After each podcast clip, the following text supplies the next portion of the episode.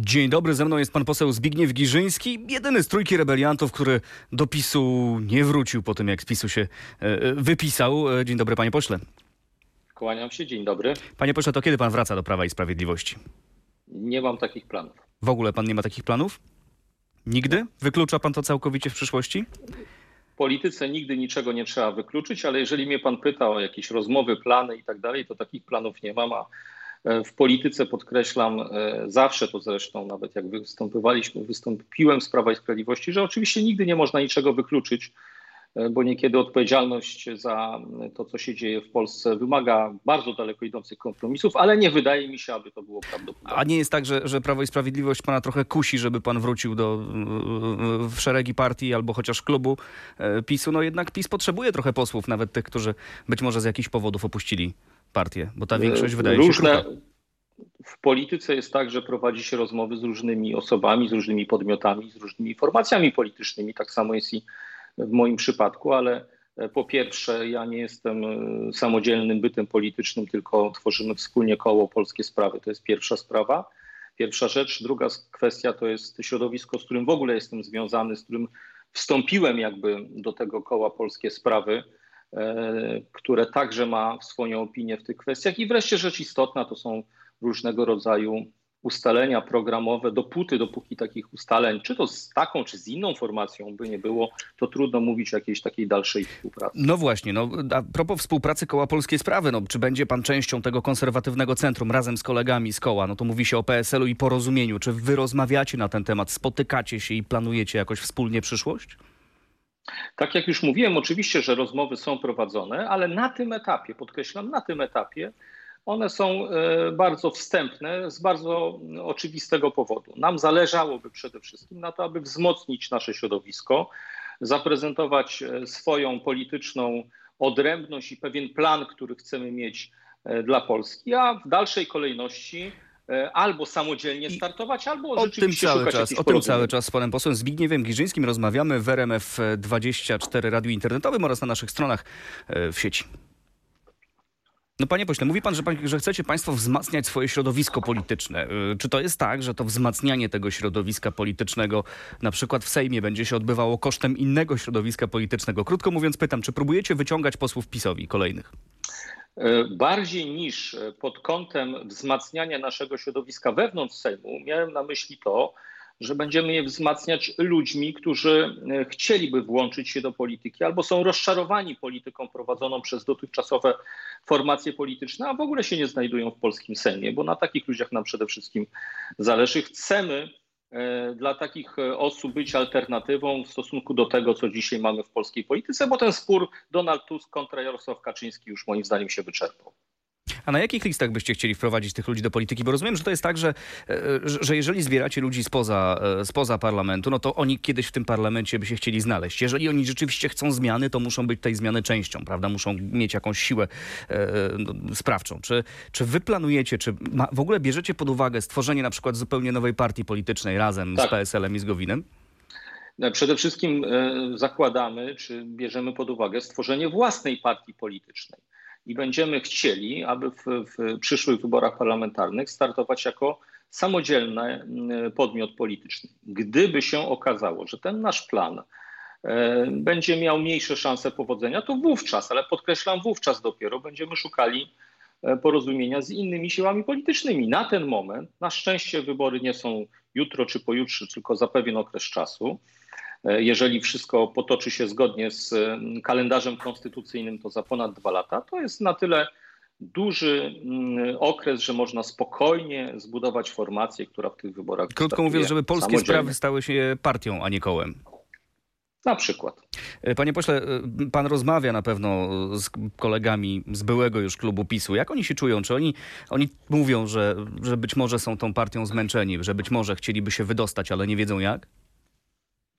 Ja nie chciałbym e, mówić o rozmowach, które prowadzę czy prowadziłem z innymi parlamentarzystami, bo to są jakieś takie rzeczy, które ja sobie cenię, że się nie mówi o tego typu kwestiach publicznie. ale mogę powiedzieć o niektórych rozmowach, które prowadziłem z ludźmi, którzy głosowali kiedyś na Prawo i Sprawiedliwość, ale nie tylko na Prawo i Sprawiedliwość, także na Platformę Obywatelską czy na inne formacje polityczne. I ci ludzie bardzo często są zmęczeni tym konfliktem. Konfliktem, jaki mamy w polskiej polityce od ponad 15 lat i jesteśmy troszeczkę takimi zakładnikami w wojnie, którą toczą z sobą dwaj liderzy dwóch środowisk politycznych. Jak pan odchodził z Prawa i Sprawiedliwości, ja przywołam pana słowa, wszyscy ci, którzy tak jak my są rozczarowani, zaczną odchodzić z partii i zasilać nowe ugrupowanie bądź inne. To są pana słowa, tak? No, te słowa się chyba nie do końca sprawdziły, bo jak tak patrzę na ten bilans, to jest pan jedyną osobą, która jednak poza klubem PiSu została. Poseł Czartoryski i posłanka Janowska wrócili do klubu PiSu w tej czy innej formie. Chyba nie, nie, nie widać tej fali odejść w Prawie i Sprawiedliwości. Ale to nie chodziło, mi nie chodziło nawet o falę odejść, jeżeli chodzi o parlament parlamentarzystów. Parlamentarzyści to najprawdopodobniej albo wszyscy, albo nieomal wszyscy zostaną. Bo to jest pewnego rodzaju, tak e, e, jak w pewnych takich społecznych zachowaniach, pewna strefa komfortu, w której każdy się zajmuje, znajduje. Nie jest łatwo ją opuścić, także w polityce. To jest duże ryzyko. Politycy nie są e, skłonni do ryzyka. Ja to ryzyko podjąłem nie dlatego, że uważałem, że jest mnóstwo parlamentarzystów, którzy tak jak ja będą chcieli tak zrobić, ale uważam, że jest wielu wyborców Prawa i Sprawiedliwości, którzy są rozczarowani. No tak, pan chciał wstrząsnąć elektoratem Prawa i Sprawiedliwości, bo pamiętam też takie słowa. Czy udało się tym elektoratem wstrząsnąć? Bo sondaże Myślę, pokazują, że... że chyba nie do końca. 35%. Przyjdzie...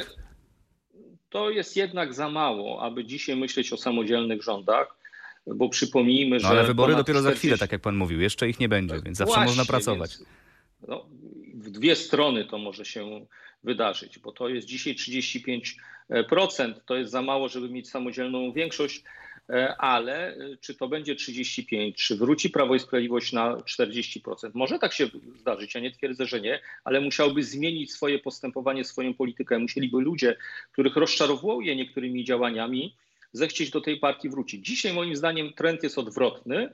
E, i te 35% może topnieć. Jak będzie, zobaczymy. To w dużej mierze zależy od tego, czy będzie refleksja w Prawie i Sprawiedliwości nad błędami, które formacja popełnia. No z drugiej strony mamy też y, Prawo i Sprawiedliwość, które wciąga do siebie na przykład Pawła Kukiza. Pan wierzy w stabilność Pawła Kukiza i to, że on e, z Prawem i Sprawiedliwością na dłużej zostanie? Paweł Kukiz e, chciałby w polityce odegrać istotną rolę i zmienić ustrój polityczny, przynajmniej w obszarze niektórych swoich postulatów wyborczych i postulatów w obszarze wymiaru sprawiedliwości. Ja część nawet popieram te, jeżeli chodzi o wymiar sprawiedliwości, osobiście uważam, że są słuszne. No ale warto to robić tego... za taką cenę. No, Paweł Kukiz został jednak potraktowany niezbyt łagodnie przez nawet swoich wyborców, przez ludzi, którzy się zawiedli na tym. Przecież on mówił, nigdy nie wejdę w koalicję z PiSem. Nawet kazał się nazywać w bardzo niewybredny sposób, jeżeli to zrobi. No, sam pan rozumie, no, czy to jest dobra cena, którą Paweł Kukiz może za to zapłacić? Każdy polityk samodzielną e, decyzję ponosi i ponosi samodzielną odpowiedzialność. Jeśli, a on uważa dzisiaj. Ja, od, ja jako polityk go rozumiem. Wizerunkowo rzeczywiście e, popadł w pewnego rodzaju kłopoty, ale. No to łagodnie pan uwagę, mówi. Ale biorąc pod uwagę, w jakiej się znalazł sytuacji, on wprowadził duży klub do Sejmu, nie był nic w stanie zrobić. Potem w, w ramach koalicji z PSL-em wprowadził mniejszą grupę parlamentarzystów i znów zobaczył, że nic nie jest w stanie zrobić. Jeśli zauważył, że pojawiła się możliwość, bo Prawo i Sprawiedliwość troszeczkę było przymuszone do koalicji z nim, żeby. No tak, szukało tej większości, którą utraciło. No właśnie. I on zobaczył dla siebie szansę. Chce pokazać, że jest skuteczny, że udało mu się to zrobić. Jeśli mu się uda i nie zostanie oszukany przez obecnych swoich koalicjantów, to będzie mógł pokazać sukces. I na tym zależy Pawłowi Kukizowi i on świadomie dokonał trudnego wyboru. Ja go za to w pewien sposób jako polityka podziwiam, bo to nie jest łatwo e, tak bardzo w kontrze do e, opinii publicznej, w kontrze także do niektórych swoich środowisk pójść. Ale jako polityka z jednej strony go podziwiam, bo to było odważne, rozumiem, bo próbuje coś w ten sposób osiągnąć w polityce. Czy mu się uda, tego nie wiem, ale potępiać go za to, że próbuje negocjować w polityce i wykorzystać to, że ma malutką e, grupę, trzyosobową zaledwie, tak de facto, ale jest w stanie nią przeważyć pewną szalę, to jest pewna no, ciężki, ciężki języczek uwagi rzeczywiście. No pytanie, czy Paweł Kukiz znany z tego, że on lubi zdanie zmieniać, nie zmieni go znowu na przykład. No ale myślę, że ani ja, ani pan nie jesteśmy w stanie na to odpowiedzieć. E, panie pośle, ja mam pytanie, bo mówił pan o partii politycznej. Kiedy jakiś ruch, kiedy jakiś na przykład, nie wiem, wniosek o rejestrację partii? Myślę, że na te działania przyjdzie właściwy moment jesienią tego roku. Jesienią tego roku być może nowa partia. Polskie Sprawy będzie się nazywać, czy jakoś inaczej? Będzie informacja na ten temat, kiedy już takie decyzje zostaną Dobrze, to podjęte. zobaczymy, zobaczymy, jak będzie jesienią, to już niedługo. E, Panie pośle, pan rozumiem, podniesie rękę za odwołaniem e, Elżbiety Witek jako marszałka Sejmu, jeżeli ten wniosek się Zale- pojawi. Wszystko zależeć będzie od tego, kto będzie kontrkandydatem, bo to nie jest tak, że odwołuje się marszałka. Jednocześnie Nazwisko trzeba, trzeba wskazać, wpisać, oczywiście, tak, jednocześnie trzeba wskazać kandydata. Jeżeli to będzie wspólny kandydat opozycji, to rzeczywiście tak e, postąpi. Jeżeli to będzie tylko próba przez któreś ugrupowanie opozycyjne, aby zaistnieć, że proszę bardzo, tu my mamy swojego kandydata. No dobrze, a kto E, powinien być? wówczas- Bo ja rozmawiałem z politykami opozycji y, właśnie na ten temat i oni mówią do mnie z kolei coś zupełnie innego niż pan. To jest nieważne, kto tam będzie tym kandydatem. Ważne jest, żebyśmy my się No to- dogadali i żebyśmy jakoś, jakoś razem do tego poszli. No a przecież no, jeżeli oni chcą to zrobić, już teraz im brakuje szabel, no to jednak potrzebują waszych głosów. E, To jest e, najlepszy dowód na to, że ważną e, jednak informacją jest, kto będzie tym kandydatem. To powinien być kandydat uzgodniony i taki, który będzie kandydatem pewnego mądrego kompromisu na opozycji, a nie narzuconym przez którąś z silniejszych partii. I tutaj pan mówi mniej więcej to samo, co mówią, mówią pozostali politycy opozycji, a ja chciałem zapytać, kto? Czy jest jakieś nazwisko, które się pojawia? Czy jest jakieś nazwisko takie, które no, rozpala serca polityków opozycji i mówią wszyscy, tak, ten człowiek mógłby zostać naszym marszałkiem po, e, po pani marszałek Witek? Po pierwsze, z tym rozpalaniem serc to nie przesadzajmy. Każdy tutaj ma raczej interes polityczny i próbuje coś na całej tej historii ugrać. I zdajmy sobie z tego sprawę. To nie jest tak, że po drugiej stronie mamy e, same anioły polityczne, którzy marzą tylko e, dobru powszechnym. Ale druga rzecz i istotniejsza, to na ten moment, podkreślam, na ten moment opozycja nie ma większości, żeby do takiego e, głosowania skutecznie doprowadzić, w sensie, żeby wygrać takie głosowanie. W związku z tym wydaje mi się, że podejmowanie takiej próby, kiedy z góry wiadomo będzie, że ono jest skazane na porażkę, e, byłoby chyba niewłaściwe. Ja bym je odradzał. A uda się to zrobić? Bo ja mam wrażenie, że ta sprawa się powoli zaczyna rozchodzić po kościach. Oczywiście, że się nie uda z bardzo prostego powodu. Na, na ten moment Prawo i Sprawiedliwość dzięki właśnie porozumieniu z Pawłem Kukizem takie, e, taką większość posiada. A opozycja zamiast starać się, tak jak ja to robię, zrozumieć Pawła Kukiza, nawet jeżeli się z nim nie zgadzam, ale rozumiem go jako polityk, że próbuje wykorzystać swoją pozycję, to zamiast próbować do, porozumieć się z Pawłem Kukizem, to go zhejtowała zupełnie bez sensu, No dobrze, to, ma, przez co? Paweł Kukiz... ale, pan sam, ale sam pan rozumie, panie redaktorze, jak się na kogoś wyleje, tak jak na Pawła Kukiza, e, tego rodzaju e, inwektywy. Ja rozumiem, ale z to- drugiej strony Paweł Kukiz jasno powiedział, że on będzie głosował tak, jak powie prezes Kaczyński, bo tak mówi mu jego interes polityczny i to, co, o czym też pan mówił, że on Dobrze, chce swoje konkretne ale- postulaty zrealizować, więc jakby też ja dał jasno do zrozumienia, że on tam z opozycją to się nie dogada w tej sprawie, po prostu. Ale można by było z nim rozmawiać na zasadzie, drogi panie Pawle, okej, my to szanujemy, ale być może opłacałoby się również panu w ramach tych pana interesów, aby jednak marszałek był z opozycji, bo wtedy pan będzie miał, pana wartość jeszcze wzrośnie, bo obóz rządzący będzie miał tym bardziej potrzeby. I zamiast sprowadzić z Pawłem Kukizem normalne negocjacje polityczne, to opozycja go zhejtowała, co było błędem. I dzisiaj Paweł Kukiz został w pewien sposób wepchnięty na siłę w objęcia Jarosława Kaczyńskiego i będzie trudniej pozyskać większość dla tego projektu, bo bez głosów Pawła Kukiza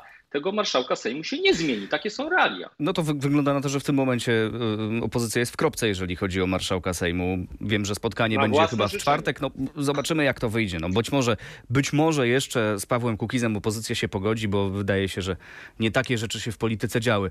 Y, Panie pośle, ja jeszcze pytanko na koniec. Chciałem zapytać o Lex TVN, bo wiemy, że ta sprawa, że, że, że, że, że, że ustawa medialna nazywana właśnie Lex TVN albo Lex Anty-TVN, ona niedługo z Senatu do Sejmu pewnie wróci i pewnie, e, pewnie Sejm za nią zagłosuje. A pan wierzy, że jeżeli ona trafi na biurko prezydenta Andrzeja Dudy, to tak jak się mówi i kreśli te scenariusze, to Andrzej Duda powie weto? Zobaczymy, co tak naprawdę zrobi e, pan prezydent i w zależności od tego, e, i zobaczymy też, co zrobi Sejm, bo ja nie do końca wierzę, podkreślam, nie do końca wierzę, że uda się tę ustawę e, w Sejmie przegłosować Prawu i Sprawiedliwości. Trochę to zależy od postawy mniejszych ugrupowań politycznych. E, Zobaczymy. Nie jestem przekonany. A co zrobi pan prezydent? Mój Boże, pan prezydent potrafi zaskakiwać nie jeden raz i tym razem wprawdzie zapowiadał tak na miękko to swoje weto, ale czy dotrzyma słowa w tym zakresie, No złośliwi jaką mówią- ostatecznie podejmie decyzję? Złośliwi Nie mówią, że to nie pan prezydent zaskakuje, tylko pan prezes Kaczyński y, za pośrednictwem pana prezydenta rozgrywa tę sytuację właśnie w taki sposób. To też jest możliwe. Według mnie od początku cała ta ustawa Lex TVN była wrzutką, która ma zająć naszą opinię publiczną rzeczą, która jest tak naprawdę bezznaczeniowa i bez względu na to, czy ta ustawa zostanie przegłosowana, czy nie przegłosowana, nie zostanie, podkreślam, nic się nie zmieni, bo w najgorszym wypadku dla TVN-u, jeśli by przegłosowana została, Amerykanie, którzy są właścicielami tej telewizji, stworzą spółkę córkę zarejestrowaną w Zurichu albo gdzieś tam w e, Amsterdamie, czyli na terenie Europejskiego Obszaru Gospodarczego, tam przekażą swoje udziały i nic się tak na dobrą sprawę nie zmieni. Burza w szklance wody niepotrzebna Prawu i Sprawiedliwości, chyba że. Chyba, No chyba jednak potrzebna, skoro się za to zabrano. No, A, wie pan, no, no, nie, potrzebna- wydaje mi się, że gdzieś jakiś sens za tym stoi, tylko pytanie jaki. Jaki? Bardzo prosty. Dzielimy scenę na pół i znowu my jesteśmy po jednej stronie połówki, wy jesteście po drugiej stronie połówki. Ponieważ mi się ten sposób uprawiania polityki z obu stron podkreślam, bo po drugiej stronie jest podobnie, nie podoba, stąd staram się, co nie będzie proste, ale staram się i będę robił wszystko, aby stworzyć pewną alternatywę dla takiego podziału, gdzie emocje mm, grają rolę, a merytoryka odchodzi na bok. Zbigniew Gierzyński, Koło Polskie Sprawy, być może niedługo Partia Polskie Sprawy. Na jesieni dowiemy się, jak będzie wyglądała dalej historia e, właśnie tego ugrupowania i tej siły politycznej. Panie pośle, bardzo dziękuję za tę rozmowę dzisiaj. Pozdrawiam, do usłyszenia. Kłaniam się do usłyszenia.